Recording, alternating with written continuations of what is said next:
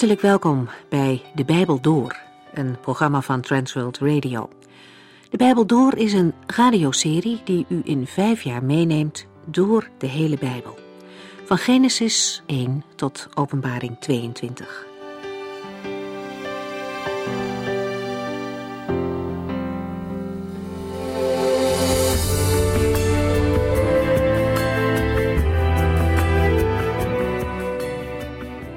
We gaan vandaag in de Bijbel door in vogelvlucht langs de laatste hoofdstukken van het Bijbelboek Nummerie.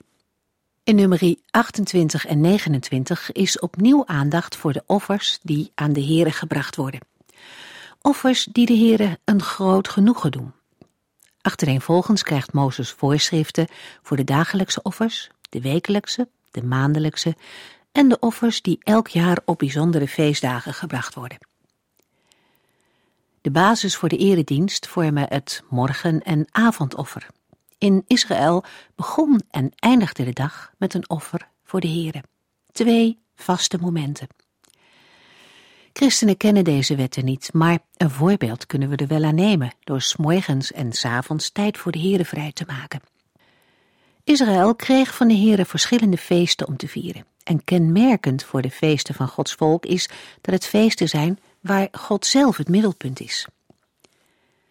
In de gelijkenis van de verloren zoon wordt ook feest gevierd als de jongste zoon weer terugkomt bij de vader. Maar de oudste zoon wil daar niet bij zijn. Hij zegt tegen zijn vader dat hij zelfs nog nooit een geitje gekregen heeft om met zijn vrienden feest te vieren. Hij wilde wel feest vieren, maar dan zonder de vader. De Heere wil graag bij de feesten zijn die wij vieren, want dan is een feest pas echt feest. Nummer 30 gaat over beloften die mensen doen. God neemt die belofte serieus. Want als God zelf iets belooft, kan iemand ervan op aan dat God zich daar ook aan zal houden. En dat verwacht God dus ook van mensen. Wat je belooft, moet je doen. En anders moet je niets beloven. Dan nu, hoofdstuk 31.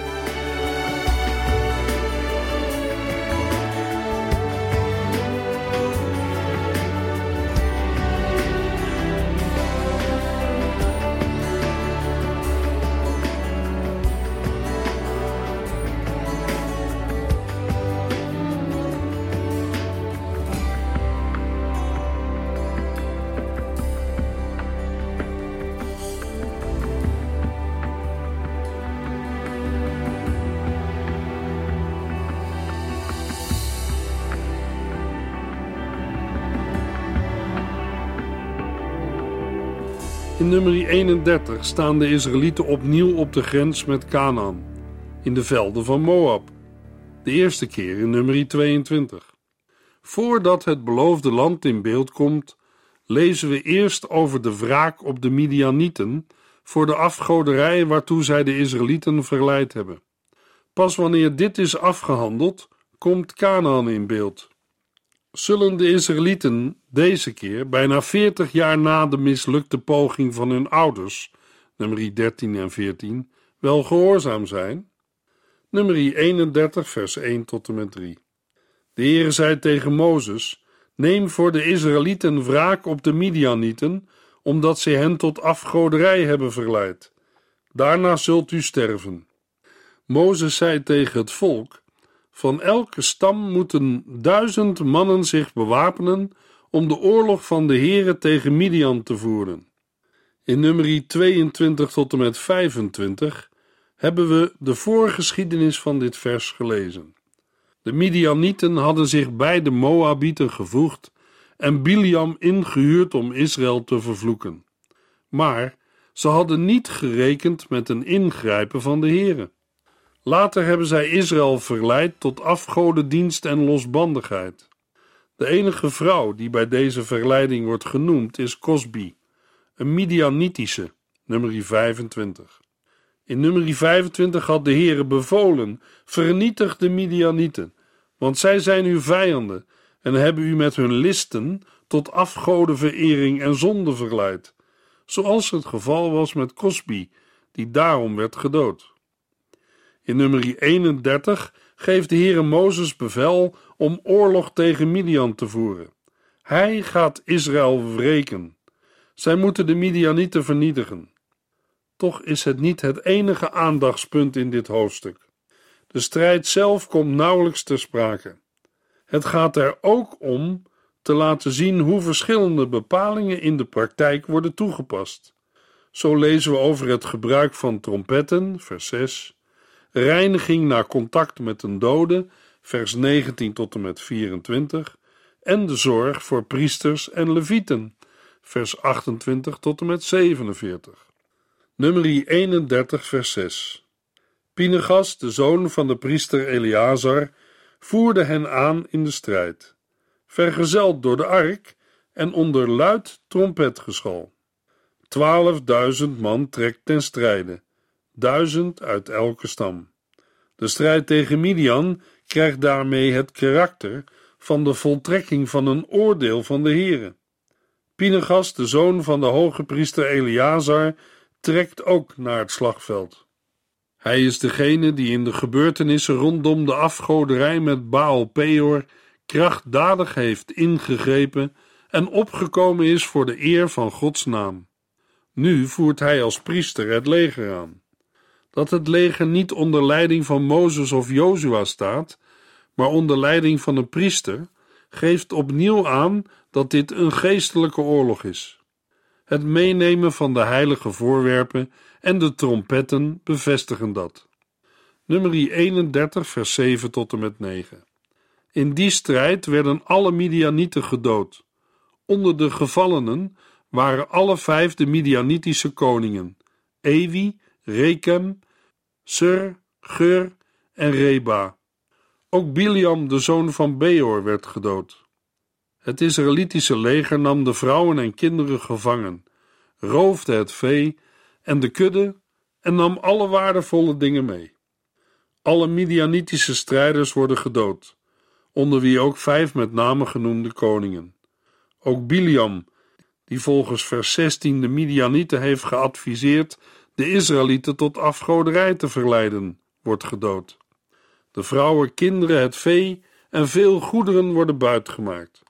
De Midianitische steden en tentenkampen worden verbrand. Vers 10. De geroofde vrouwen, kinderen, dieren en kostbaarheden worden meegenomen naar het legerkamp in de velden van Moab tegenover Jericho. Daar zal de buit gepresenteerd worden aan Mozes, Eleazar en de overige Israëlieten. Vers 11 en 12. De Heere gaf de overwinning. En volgens vers 49 had Israël geen enkele man verloren. Nummer 31, vers 14 tot en met 16. Maar Mozes was woedend op de legeraanvoerders. Waarom hebben jullie alle vrouwen in leven gelaten? vroeg hij boos. Zij zijn juist degenen die de raad van Biliam hebben opgevolgd en de Israëlieten hebben aangezet tot afgoderij met Baal. Zij zijn de oorzaak van de plaag die zoveel duizenden van ons heeft gedood. Het volk Israël had een groot probleem. De Heere had hen in één nacht uit Egypte gehaald. Maar het kostte de Heere veertig jaar om Egypte uit de Israëlieten te halen. Zelfs nadat ze door de Midianieten, op advies van Biliam, tot afgoderij waren gebracht, nemen ze nog steeds de Midianitische vrouwen mee naar hun legerkamp. Vandaag kunnen we het vergelijken met wereldgelijkvormigheid. Zeker, de Heere heeft ook ons in de wereld geplaatst, maar hij heeft ook gezegd dat een gelovige niet van deze wereld is. Maar ook voor een gelovige is het probleem dat de oude natuur strijd voert tegen de nieuwe en dat de wereld in een mens zit, in het hart en leven. Hoeveel Midianitische vrouwen en buit nemen wij mee naar huis? Of hebben we al mee naar huis genomen? De belangrijke les van nummer 31 is dat het oproept tot geestelijke afzondering van de wereld. Jacobus 1, vers 27. De christen die zuiver is en op wie God onze Vader niets heeft aan te merken, zal wezen en weduwe bijstaan in hun nood, hoe slecht en vuil de wereld ook is. Hij zal zuiver blijven. Hoe zal een mens dat voor elkaar krijgen? Jezus zegt: Jullie zijn zuiver door het woord dat ik tot jullie gesproken heb. Blijf in mij, dan blijf ik in jullie. Johannes 15. Luisteraar, bent u in Christus? Nummer 32, vers 1, 2 en 5. Toen het volk Israël in het land van Jazer en Gilead aankwam, viel het de stammen van Ruben en Gad, die beide grote schaapskudden bezaten, op wat een prachtig land dat voor hun schapen was. Daarom gingen zij naar Mozes, de priester Eleazar en de andere stamleiders en zeiden: Sta ons alstublieft toe dat wij deze streek als ons deel nemen in plaats van het land aan de andere kant van de Jordaan. Nu de Israëlieten op de grens met Canaan staan en hebben afgerekend met de Midianieten, die hen in de woestijntijd tot afgoderij hebben verleid, begint de inname van Canaan in zicht te komen. Heeft het volk zijn les geleerd? Of schrikt het op de grens van Canaan opnieuw terug voor de inname van het land? Deze vraag wordt opnieuw actueel doordat een deel van het volk, Ruben en Gad, liever in het Oost-Jordaanland wil wonen dan dat zij meetrekken over de Jordaan, het beloofde land in. De geschiedenis lijkt zich te herhalen. Het zal toch niet zo zijn dat Gods volk de landbelofte opnieuw versmaadt? Mozes reageert dan ook zeer fel op het verzoek. Nummer 32, vers 6 en 7. Willen jullie hier met de armen over elkaar blijven zitten, terwijl jullie broeders de rivier oversteken en aan de overkant de kastanjes uit het vuur halen? Zijn jullie van plan het hele volk te ontmoedigen, zodat het niet durft over te steken naar het land dat de Heer het heeft gegeven? In vogelvlucht houdt Mozes hen in de versen 8 tot en met 13 de geschiedenis van hun vaders voor. Daarna zegt hij in vers 14: En hier staan jullie weer, een stel zondaars dat precies hetzelfde doet. Nu zijn er alleen meer van jullie, dus de toorn van de Heere zal deze keer nog heviger zijn dan de vorige keer. Als jullie op deze manier van de Heere afkeren, zal hij het volk nog langer in de woestijn laten blijven. Jullie zullen verantwoordelijk zijn voor de vernietiging van zijn volk en een ramp over deze hele natie brengen. Maar wanneer duidelijk wordt dat de motieven niet zijn ingegeven uit ongeloof en dat ook de strijders uit Ruben en Gad zullen meevechten om het beloofde land in bezit te nemen, gaat Mozes toch akkoord. Vers 16 tot en met 32. De geschiedenis herhaalt zich niet. Het hele volk is bereid de Jordaan over te trekken om het beloofde land in bezit te nemen. Als een soort appendix bij nummer 32 volgt dan de verdeling van het Oost-Jordaanland, waarin ook de helft van de stam Manasse een deel krijgt. Vers 33 tot en met 42. Nummer 32 functioneert in het geheel van het Bijbelboek als een herhaling van en een contrast met nummer 13 en 14. De geschiedenis van de twaalf verspieders of spionnen. In beide gevallen is sprake van een weigering het door de Heere beloofde land binnen te trekken. Het gevaar van ongehoorzaamheid en ontrouw aan de Heere is ook voor de nieuwe generatie levensgroot.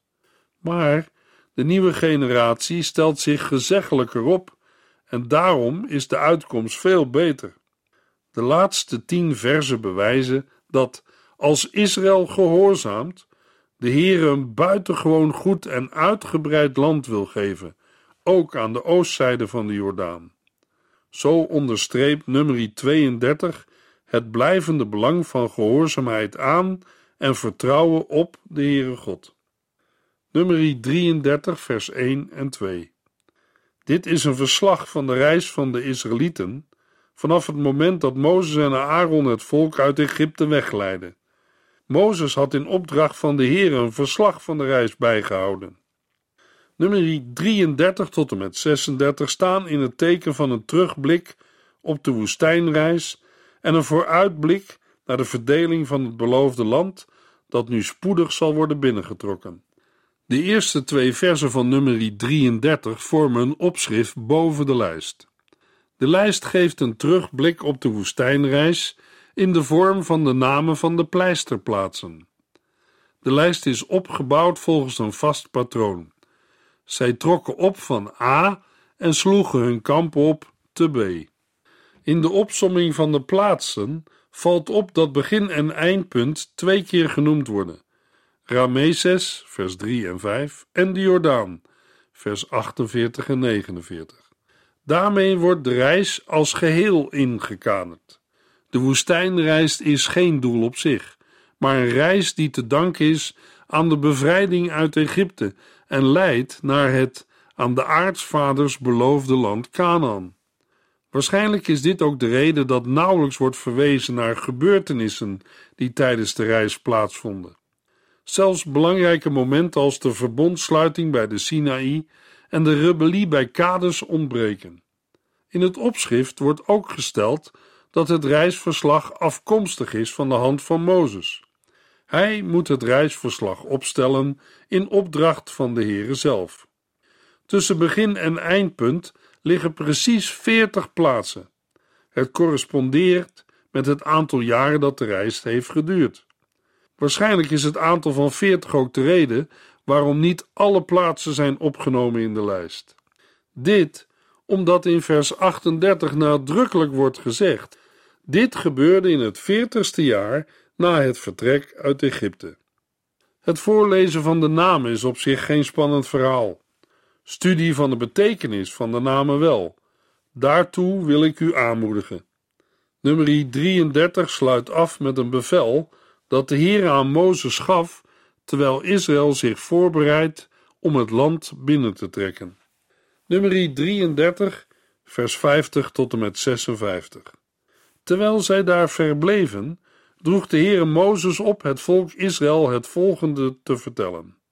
Wanneer u de rivier de Jordaan oversteekt en het land Canaan binnentrekt, moet u alle mensen die daar leven verdrijven en al hun afgoden vernietigen, hun gebeeldhouwde en gegoten afgodsbeelden en hun heiligdommen op de heuvels waar zij hun afgoden aanbidden, moet u vernietigen. Ik heb u het land gegeven. Neem het en vestig u daar. U wordt land gegeven afhankelijk van de grootte van uw stammen. De grotere stukken van het land zullen met behulp van het lot onder de grotere stammen worden verdeeld. De kleinere stukken worden verloot tussen de kleinere stammen. Maar als u de inwoners van het land niet verdrijft, zullen zij dorens in uw ogen en prikkels in uw zijde worden. Zij zullen u in uw land benauwen. Dan zal ik u vernietigen, zoals ik van plan was hen te vernietigen. Hier worden dingen gezegd waar een modern mens best moeite mee kan hebben.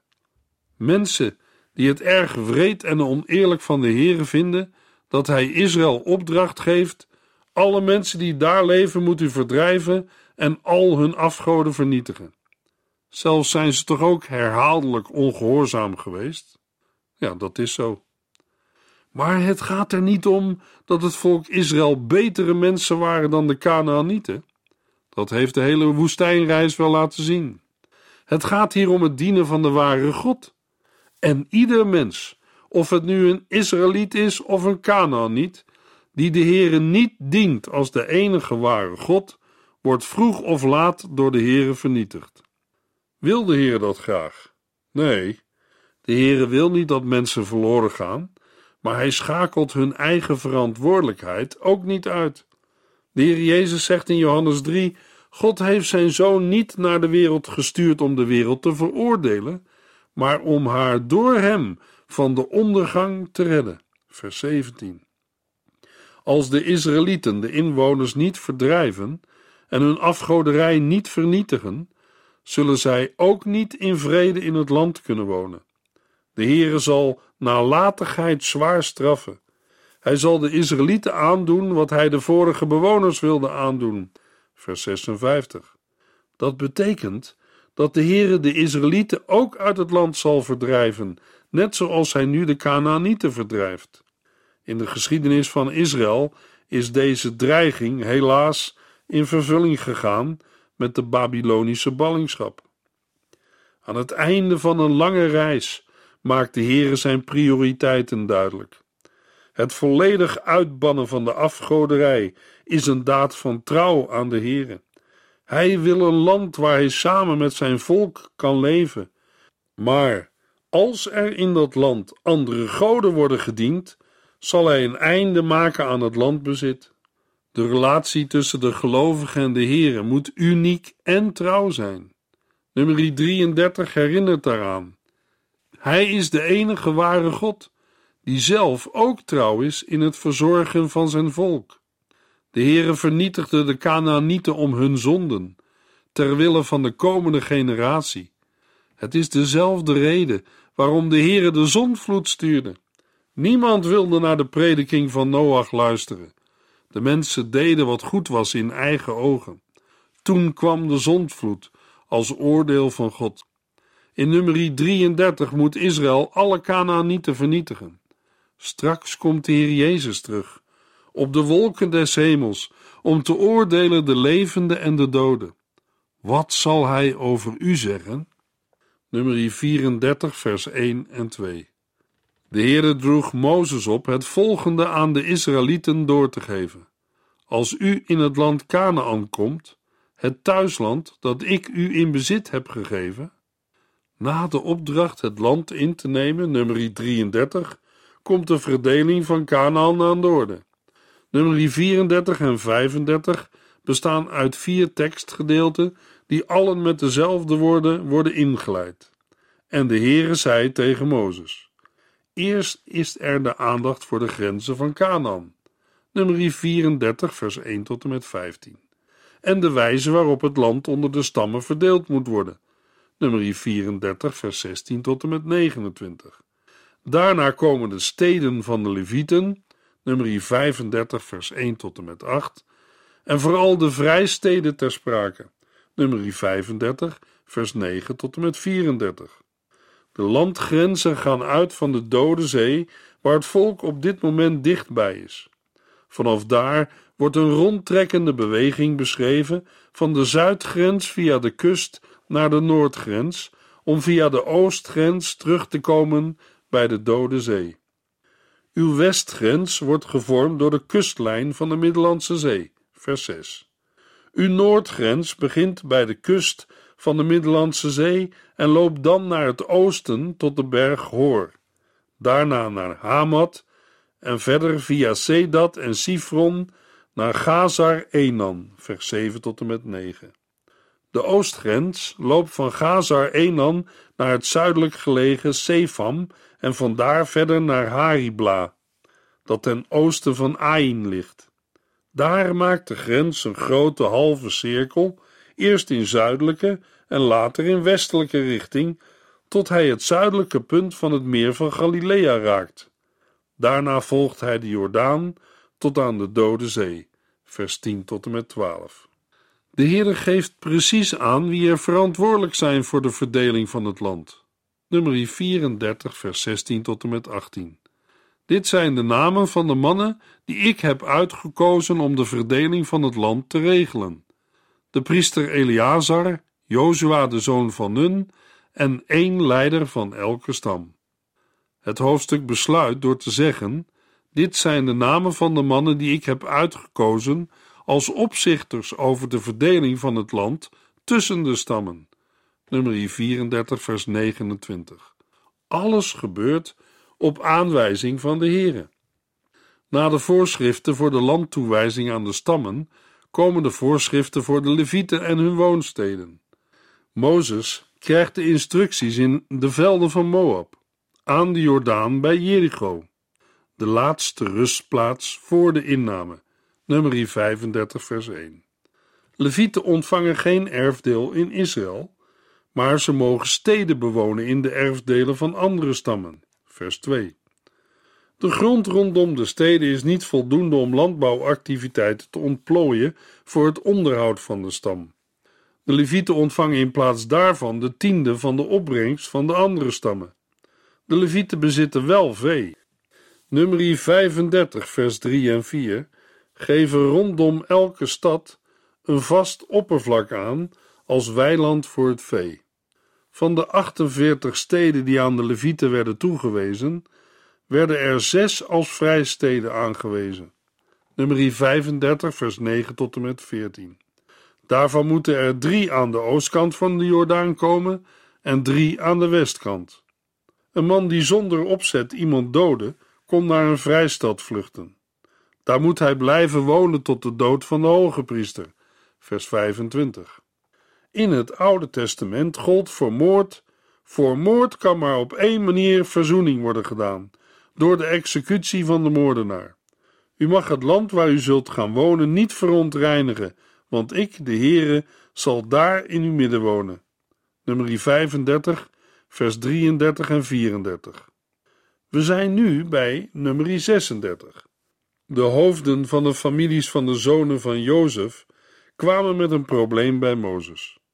Als de dochters van Selofgat met mannen buiten hun eigen stam trouwen, gaat hun land naar een andere stam over en wordt hun grondgebied kleiner.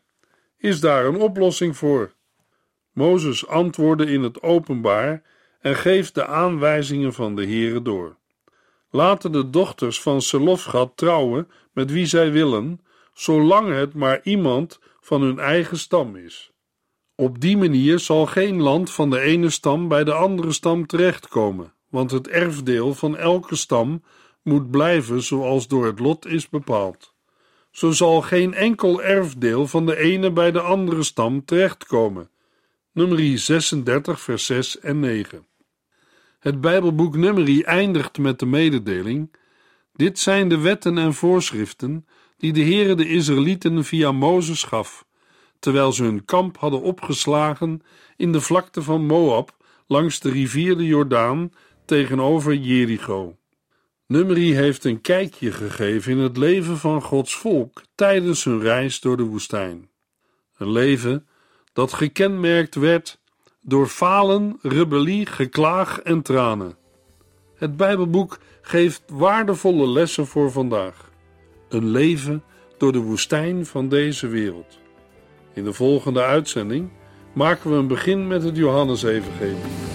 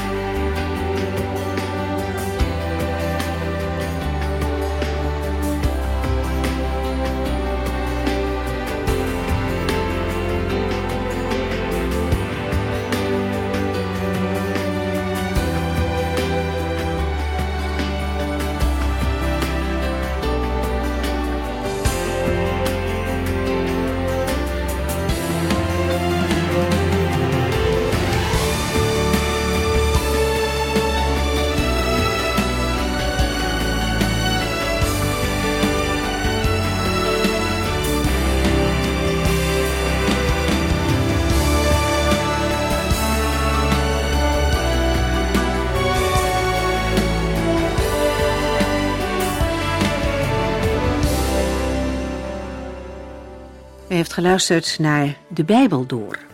In het Nederlands vertaald en bewerkt door Transworld Radio. Een programma waarin we in vijf jaar tijd de hele Bijbel doorgaan. Als u wilt reageren op deze uitzending of u heeft vragen, dan kunt u contact met ons opnemen. Tijdens kantooruren kunt u bellen op 0342 47 8432. 0342 47 8432. 32. Ook kunt u een e-mail sturen naar de Bijbel door transworldradio.nl en natuurlijk kunt u ook via de post ons bereiken. TWR, postbus 371, postcode 3770, AJ in Barneveld. Dit programma werd gepresenteerd door Cor Weda en Ike André. Techniek was in handen van Odin van Woerdekom. En wij allemaal bedanken u voor het luisteren. Graag tot de volgende keer.